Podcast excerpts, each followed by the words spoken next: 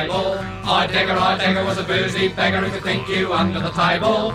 David Hume could out-consume Wilhelm Friedrich Hegel, and Wittgenstein was a beery swine who's just a schloss to Schlegel. There's nothing Nietzsche couldn't teach about the raising of the wrist.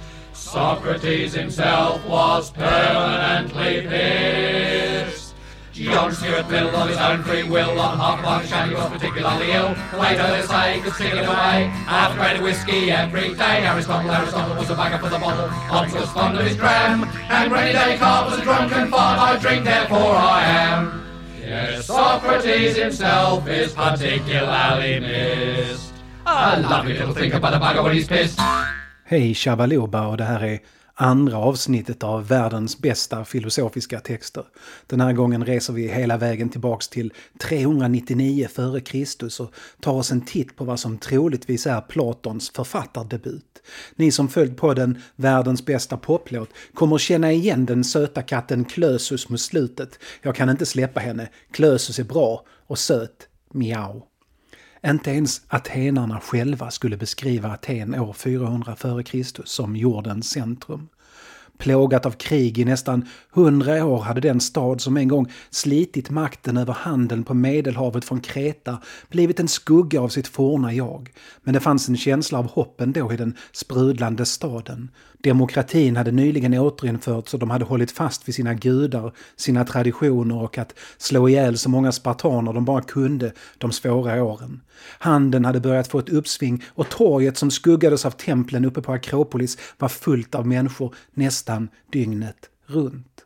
Det bodde strax över 100 000 människor i Aten om man inte räknar slavar, varav hälften var medborgare. Och om vi räknar in förorterna på den peloponnesiska slätten kanske det dubbla. Alla släpptes inte in i själva staden. Var du inte medborgare fick du finna dig i att bo eller vänta utanför murarna. Om du inte betalade en administrativ avgift, såklart, pengar löste allt redan på den tiden. Det var på torget, agoran, det hände. Det var där allt hände. I alla fall allt utom teatern som hände lite vid sidan av men på höravstånd från torget. Man handlade med allt. Här utbyttes allt. Vete mot fisk, fisk mot ylle, ylle mot kött, kött mot specialskrivna pjäser om hur fantastisk just den eller den släkten är och så vidare. Det var också här man bytte idéer och tankar. Det var här den västerländska filosofin föddes. Den västerländska demokratin föddes just här och just i utbytet av idéer. Har du hört talas om någon antik grekisk filosof som inte tillhör de tidigare joniska naturfilosoferna så är det goda chanser att han, för det är troligtvis en man, vid något tillfälle stod på torget i Aten och berättade om just sina insikter eller åsikter eller utsikter. Det var också här filosoferna sålde sina texter och det var här sofister och retoriker hyrde ut sina tjänster till den som ville betala för ett välformulerat argument. Det var här Sokrates, 70 år gammal, år 399, skulle begå sina brott. Det var här han skulle åtalas och det var här han skulle dömas till döden av Atens fria män för att ha förlett ungdomen genom att påpeka att de har ett ansvar att tänka själva och inte bara göra vad andra säger åt dem att göra. Vi vet förvånansvärt mycket om den verkliga Sokrates, betydligt mer än vi vet om de flesta andra som levde för 2400 år sedan. Till exempel vet vi att han fanns på riktigt och bara det är ju en bra utgångspunkt. Han tillhörde familjen Alopese, vilket var en av de nio familjer som hundratals år tidigare beslutat sig för att sluta döda varandra för att komma över den bästa jordbruksmarken, utan istället samarbeta och grunda Aten och styra tillsammans demokratiskt. Alopese var inte en av de finare familjerna, deras ägor och hus och sånt låg utanför själva staden men de var fullvärdiga medborgare lika mycket som de andra åtta familjerna. Sokrates far var stenhuggare eller byggmästare, lite beroende på vilken källa man vänder sig till och hans mor var något så ovanligt som en kvinna med ett faktiskt arbete utanför hushållet. Hemmafruidealet var väldigt starkt i det antika Aten, men det tilläts undantag och Sokrates mor var ett av dessa, då hon var barnmorska och specialist på det de kallade kvinnliga sjukdomar, vilket som nu räknades som sådana på den tiden. Vi vet att Sokrates hade syskon och att han inte var det av syskonen som ärvde merparten av faderns egendomar. Att Sokrates deltog i kriget mot Sparta som alla andra män vet vi eftersom alla män förväntades delta i krigen mot Sparta. Men det verkar som att Sokrates utmärkt sig särskilt genom mod och list och inte bara genom att överleva, vilket bara ungefär hälften av varje generations unga män gjorde.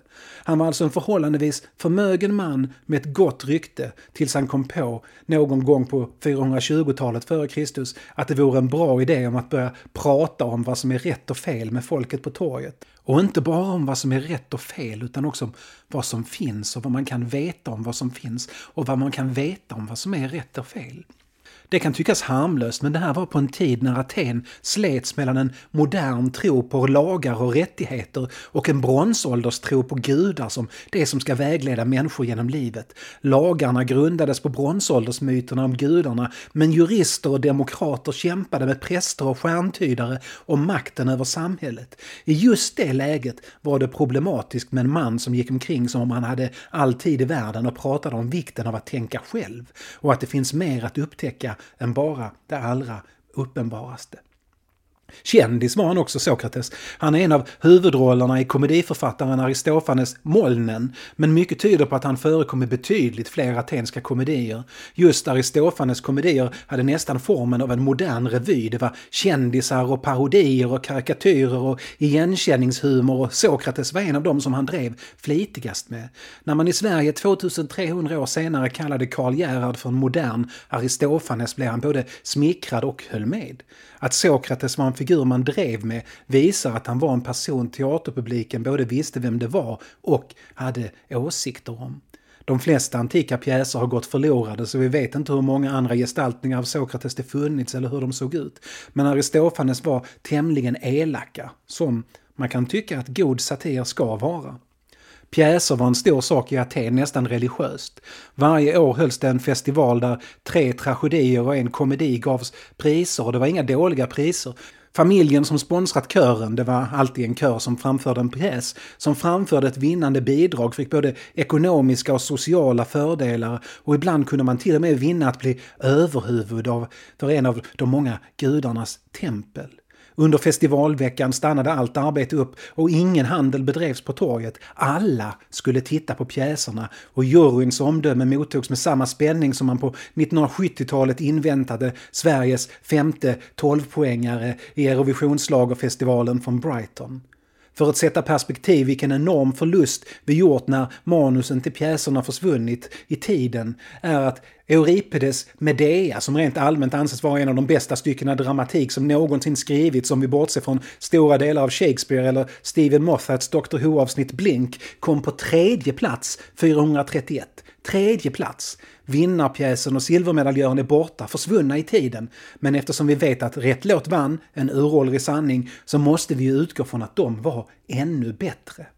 Aristofanes var en mästare på att vinna komeditävlingen. Han hade örat mot marken, fingret i luften och han visste hur man doing the omoralisk teaterfestival och det var lätt att vinna i komedigenren om man fick publiken att skratta. Juryn som lottats fram från de nio familjerna skulle aldrig våga rösta på något annat än det som gav de högsta skratten. Aristofanes balanserade på gränsen till vad man då ansåg vara anständigt. Han skämtade om sex och våld och kåta gubbar men aldrig på ett sätt som fick folk att bua. Reglerna var lösa i komedigenren, det var skratt som gällde, medan tragedierna skulle ha någon sorts moralisk läxa att lära ut. Sokrates var känd, men för den stora allmänheten var det Sokrates från Aristofanes pjäser de kände, inte den verkliga som stod ute på torget och pratade om huruvida vi bör läsa Iliaden som ett historiskt dokument eller som en religiös text. Detta skulle komma att spela en avgörande roll i den senare rättegången mot Sokrates. Strax efter att Sokrates dömts till döden och avrättats skriver en av ungdomarna han dömdes för att ha förlett den korta texten Eotyfron. Eller rättare sagt, han skrev den korta text vi numera kallar Eotyfron eftersom vi bara i undantagsfall har kvar Platons originaltitlar. Hans Sokrates-dialoger har helt enkelt fått heta det som mannen Sokrates pratar med i dem heter. Och i Eotyfron heter killen Eotyfron. Platon var ung när han skrev den 399 f.Kr. runt 20 år gammal, men den uppvisar en fantastisk språklig mognad och berättarkonst trots detta. Utöver det så utgör Platons tidigare dialoger grunder för den logik som Platons senare elev Aristoteles formaliserade svämmar över med en hel massa om du säger A så implicerar det B och B kan ju inte vara sant på grund av C. Logik helt enkelt.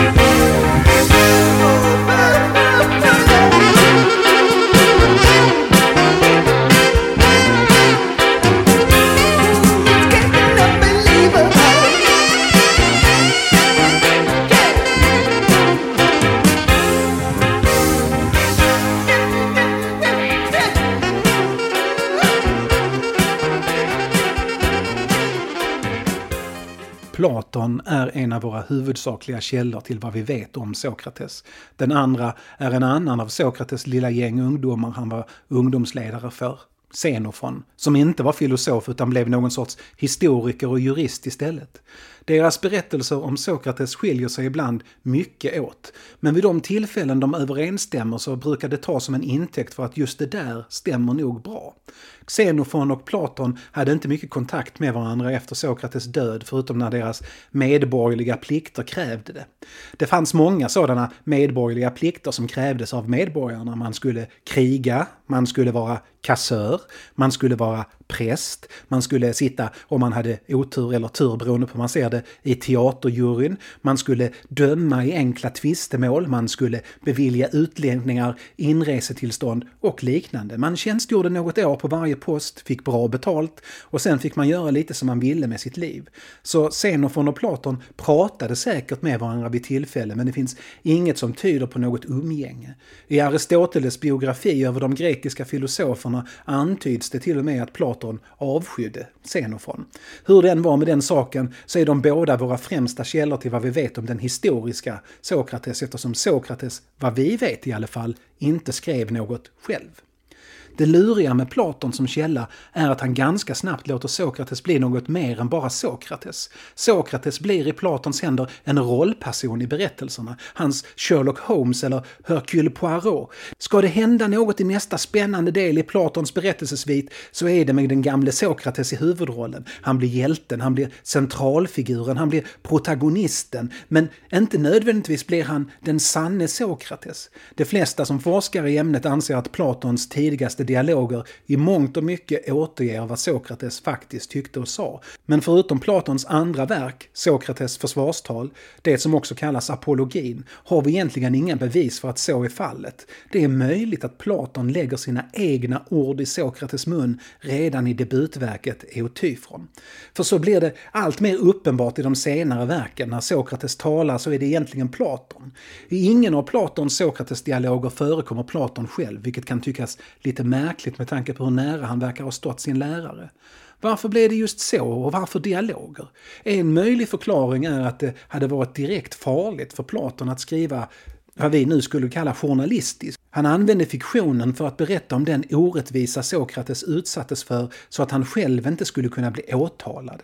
Eftersom det uppenbart bara på en dialog liksom. Och sedan fastnade han och läsarna för formatet. Han kanske var som Leif GW Persson efter att ha behövt berätta om Geijeraffären i romanen Grisfesten istället för att öppet och riskera åtal för förtal. Sokrates kanske var Platons Janebring.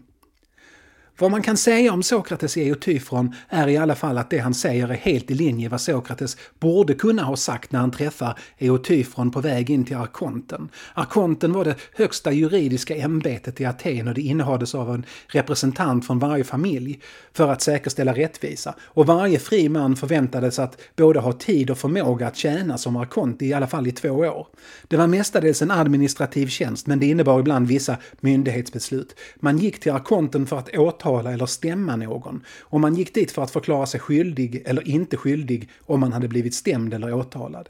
Ibland kunde arkonten helt enkelt avvisa en stämning eller ett åtal med motiveringen att det var uppenbart vansinnigt och inget att uppta atenarnas tid med. Men för det mesta handlade det om att ta emot papper och boka rättegångsdatum. Sokrates möter Eutyfron på trappan till arkonten. Sokrates är på väg in för att förklara sig oskyldig till de anklagelser som lämnats in mot honom. Att han förkastat gudarna, förlett ungdomen och uppmuntrat till odygd. Och Eutyfron är på väg in för att åtala sin far för att ha mördat en av de anställda på familjens gård på Naxos. Det fanns inget sådant som allmänt åtal i Aten. Alla åtal, även för så grova brott som mord, skulle lämnas in och drivas av enskilda medborgare. Om Eotyfron är en verklig person vet vi inte. Det som talar för att han är det är att Platon nästan uteslutande använde sig av verkliga personer i sitt berättande. Det var ett medvetet valt litterärt grepp som besparade honom lite personlighetstecknande eftersom hans publik kunde antas veta i alla fall en del om personerna i texten. Han slarvar ändå sällan med att mejsla ut personligheter men här har han i alla fall lite gratis. Ytterst sällan använder han det till att måla rena nidbilder av de kända personerna. Undantaget skulle möjligen vara i Symposium där Aristofanes framställs som en komplett idiot som är oförmögen att formulera ett sammanhängande argument eftersom han druckit sig till permanent hicka. Och sällan bryr sig Platon om petitesser som att personerna i hans dialoger knappast kan ha träffats eftersom de inte ens levde samtidigt. Det finns i alla fall anledning att tro att Eutyfron var en historisk person om vi tror att Platon var konsekvent i sitt författarskap. Det som talar emot att Eutyfron är en historisk person är att Sokrates beskriver honom som en teologisk expert, närmast en profet. Och dessutom som äldste sonen i en av landets rikaste familjer. Eotyfrons familj ska ha ägt halva ön Naxos och Eotyfrons far, den far Eotyfron tänker åtala för mord, ska vara en av Atens mest respekterade män. Ändå finns det ingen annan källa som talar om Eotyfron eller hans familj. Historikerna har bra koll på Atens politik och ekonomi på 400 och 300-talet före Kristus. Och att en sådan familj helt enkelt skulle ha liksom glidit under radarn är mycket osannolikt. Om Eotyfron är påhittad eller inte spelar hur som helst ingen som helst roll för själva berättelsen och verkligen inte för den betydelse dialogen haft för det moraliska tänkandet i tusentals år och att den faktiskt idag nästan är mer aktuell än någonsin tidigare.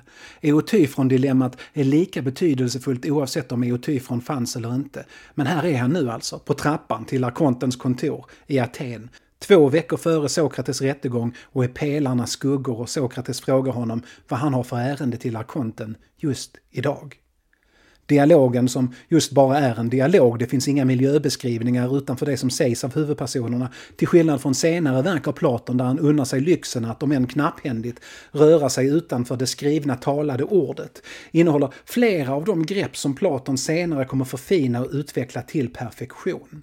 Men den sokratiska ironin finns med redan här, det vill säga att Sokrates till synes hyllar någon men läsaren förstår att förstå motsatsen, eller att Sokrates förbannar sin egen oförmåga men läsaren förstår att förstå motsatsen.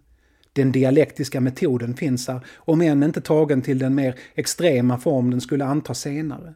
Sokrates kallar den, enligt både Platon och Xenofon, för barnmorskekonst. Likt hur hans mor hjälpte kvinnor att föda barn hjälper Sokrates andra att föda idéer och tankar genom ständiga motfrågor. Den vanliga formen är att Sokrates ställer en fråga, oftast spelat oförstående, och får genom följdfrågor den han frågar att allt mer precis formulera sin tanke. Varefter Sokrates inte sällan krossar den genom att påvisa dess orimlighet och så börjar spelet om tills både Sokrates och den utfrågade är förhållandevis nöjda med vad de kommit fram till.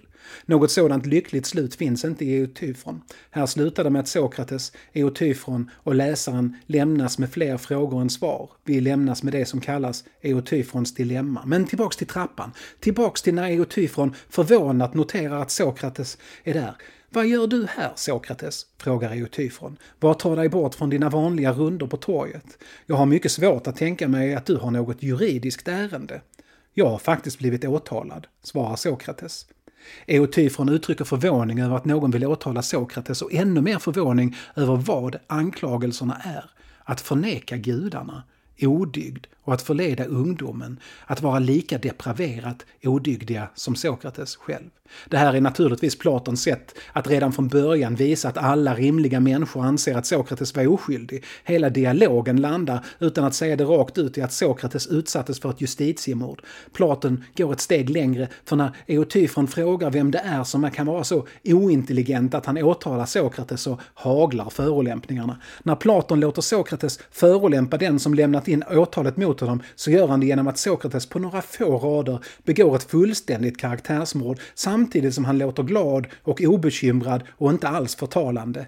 Det är en ung man, nästan helt okänd, som heter Meletos, berättar Sokrates. Det var en grov förolämpning att vara gammal nog att åtala någon men ännu inte ha utmärkt sig på något sätt tyder på att personen i fråga är någon som till och med hans egen familj skäms för.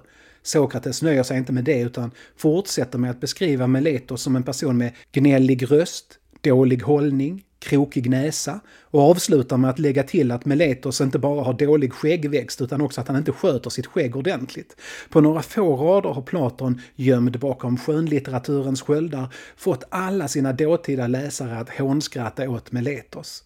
Sokrates är såklart intresserad av vad Eotyfron gör där och Eotyfron berättar att en av arbetarna på gården under en fest med mycket, mycket, mycket vin blivit så arg på en av tjänstefolket att han slagit ihjäl honom. Eotyfrons far hade när han fått reda på det låtit binda arbetarens händer och fötter och slängt honom i ett dike där han sedan fick ligga tills han dog. Eotyfrons far och hans närmaste hävdar att det dels inte kunde handla om mord eftersom de bara bundit mannen och han dog liksom av sig själv. Och dels om att det, om det nu trots allt var så att det var lite mord ändå så var det berättigat eftersom mannen faktiskt slagit ihjäl en i personalen. Det där köper inte Eotyfron. Mord är mord tycker Eotyfron. Eotyfron har principer. Du måste vara väldigt övertygad om att du har rätt när du åtalar din egen far, konstaterar Sokrates. Ditt eget kött och blod och en god man enligt allt vad jag har hört. Du förvånar mig nu, Sokrates. Jag trodde du av alla skulle förstå att det inte spelar någon roll vem som begår illgärningar eller vem som är offret. Principen måste ju vara densamma. Det Eutyfron ger uttryck för är det som kallas universalitetsprincipen, alltså att en moralisk regel inte kan vara personbunden utan måste gälla lika alla, eftersom det i annat fall inte är en moralisk regel utan bara lite personligt tyckande om vad som känns bra. De moderna demokratiernas principer om likhet inför lagen bygger på universalitetsprincipen. Och även om Eotyfron är den första text vi känner till som formulerar den i ord, så måste den ha varit allmänt vedertagen redan när den skrevs eftersom Platon låter Eotyfron formulera den och inte Sokrates. Det kan alltså inte varit någon spännande nyhet som presenterades.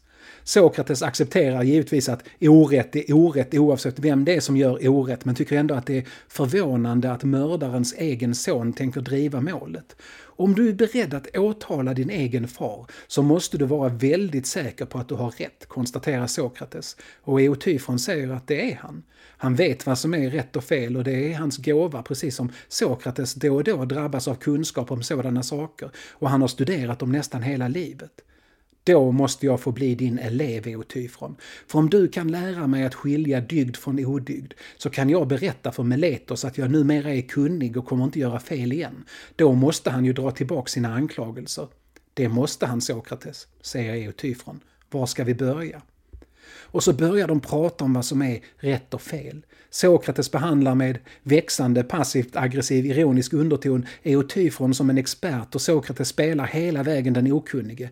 Eotyfron börjar med att föreslå att det som gudarna tycker är rätt är det rätta, men det avfärdar Sokrates snabbt med att det sker mord bland gudarna också. Zeus mördade sin egen far och band fast sin andre. Båda det brott som Eotyfron tänker åtala sin far för. Nej, men det är att göra det för enkelt för sig, menar Eotyfron och föreslår istället att det som alla gudar anser vara rätt är det rätta och det som alla gudar anser vara fel är fel.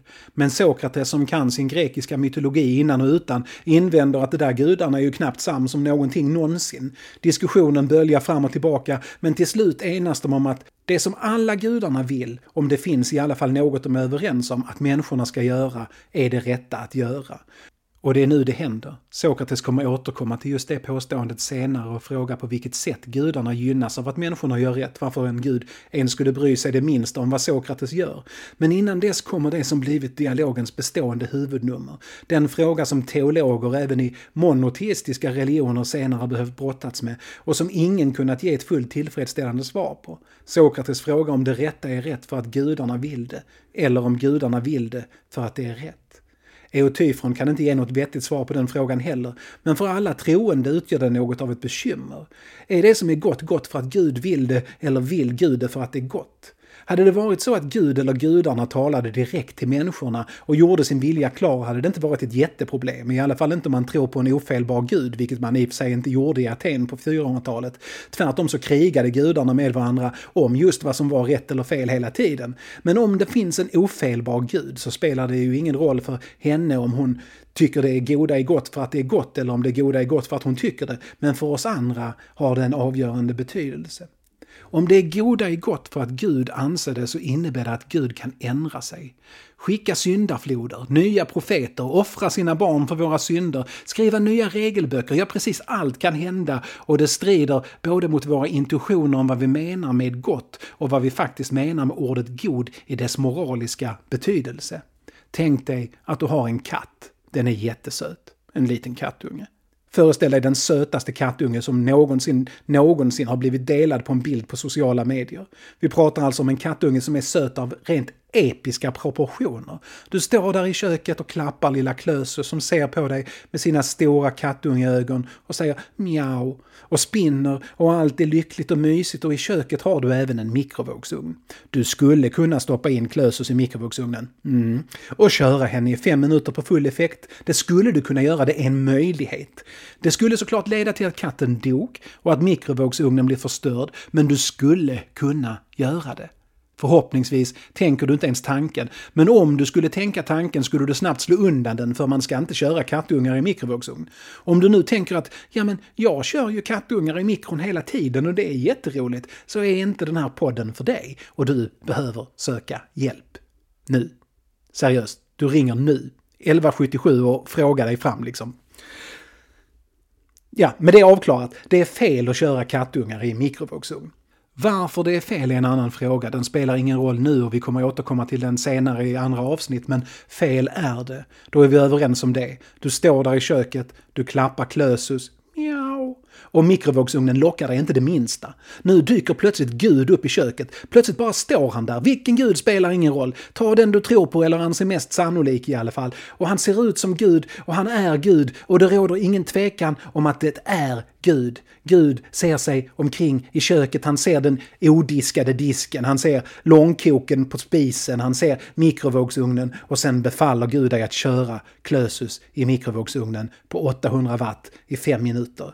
Gud inte bara befaller dig att mikra Klösus, nej, Gud proklamerar med en dundrande röst, självklart har Gud en dundrande röst, att från och med nu är det gott att mikra kattungar och ondskefullt att inte göra det, för sådan är Guds vilja tydligen. Och det är verkligen Guds vilja den här gången. Det är inte som den där gången han skickade Abraham att offra sin son Isak på ett stenaltare och ropade luring i sista sekund och skickade en get istället. Nej, det här är verkligen Guds vilja. Kattungar ska köras i mikrovågsugn. Nu har du ett val. Antingen gör du som Gud befaller och påbjuder, eller så låter du bli och mikra Klösus, som igen ser på dig med de där stora kattunga ögonen och säger Mjau.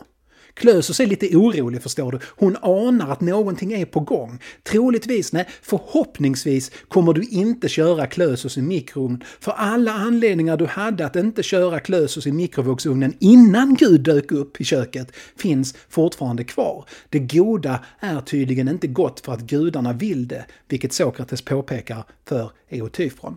Men om det istället är så att gudarna vill det goda för att det är gott, så är det goda överordnat gudarna.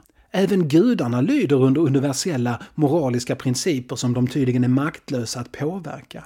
Detta ställer onekligen till det för Eotyfron, tusentals år av teologer och religiösa moralfilosofer. För om det goda är skilt från gudarna inställer sig frågan, och det är den Sokrates i förlängningen kommer att dömas till döden för, vad vi egentligen ska ha gudarna till. Han påstår inte att gudarna inte finns, tvärtom så är han en, i alla fall i Eotyfron, övertygad polyteist.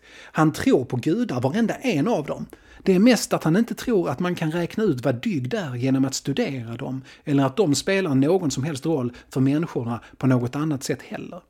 Eotyfrons dilemma är fortfarande aktuellt eftersom det fortfarande utförs handlingar i olika gudars namn av människor som tror att deras gud eller gudar bestämt eller anser att något är gott. Det startas fortfarande krig i Guds namn. Människor mördas. Människor tvingas att förneka vilka de är eller förtrycks i Guds namn. Det bedrivs också sjukhus i Guds namn. Det skickas hjälpinsatser vid naturkatastrofer i Guds namn och det ges stöd och vägledning och rehabilitering i Guds namn. Föreställningen att något är gott för att Gud vill det eller att Gud vill något för att det är gott är utbredd. Platon visar i Eotyfron att det inte riktigt kan vara så enkelt.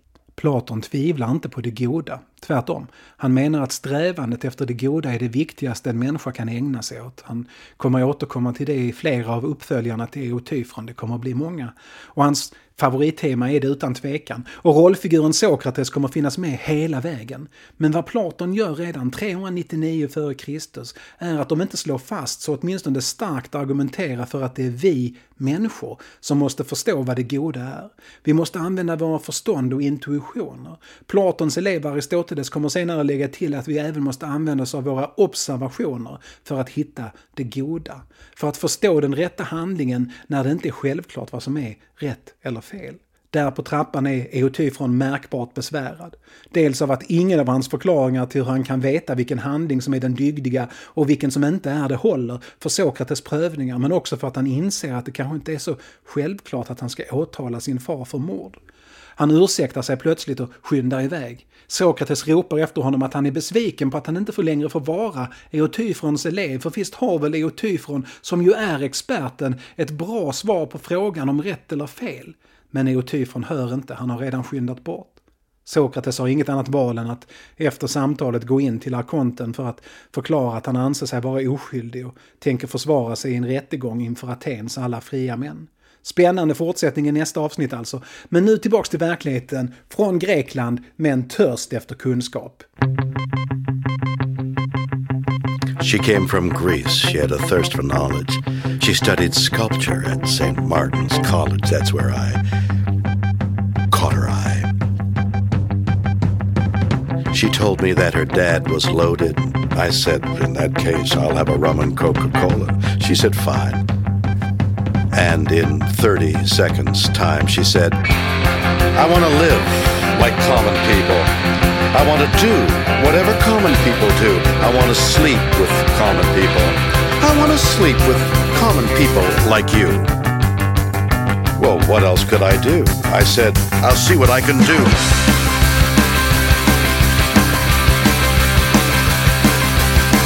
I took her to a supermarket. I don't know why, but I had to start it somewhere. So it started there. I said, pretend you've got no money. She just laughed and said, oh, you're so funny. I said, yeah? Well, I can't see anyone else smiling in here. Are you sure? You want to live like common people? You want to see whatever common people see? You want to sleep with common people? You want to sleep with common people like me? But she didn't understand. She just smiled and held my hand. Ran to Platt's barber shop.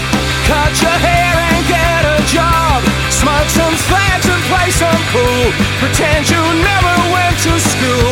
But still you'll never get it right. When you're lying in bed at night. Watching roaches climb the wall. If you called your dad, he could stop it all here. You'll never live like common people. You'll never do whatever common people do. You'll never fail like common people.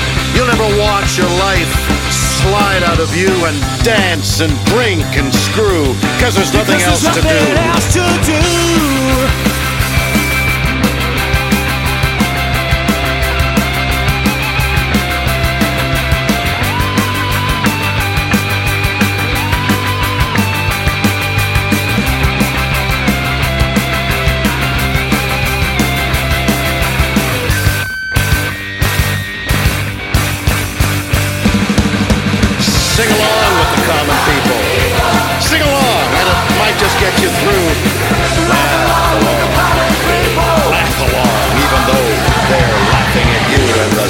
Stupid things that you do because you think that poor is cool. Like a dog lying in a corner. They'll bite you and never warn you. Look out.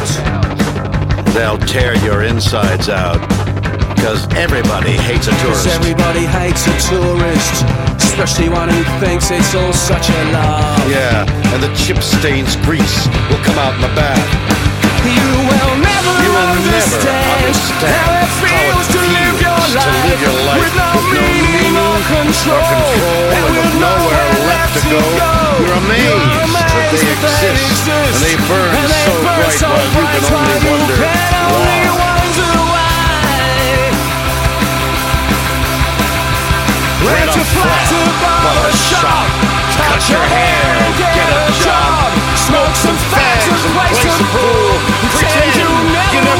School, but still you'll But still, you'll never get it right. Cause when you've laid in bed at night, watching roaches climb the wall, if you called your dad, he could stop it all, yeah. You'll never live like common people. never do You'll never do what common people do. do. You You'll never fail like common people. You'll never watch your life slide out of you and dance and dance drink and drink and and screw. Because there's nothing else to do.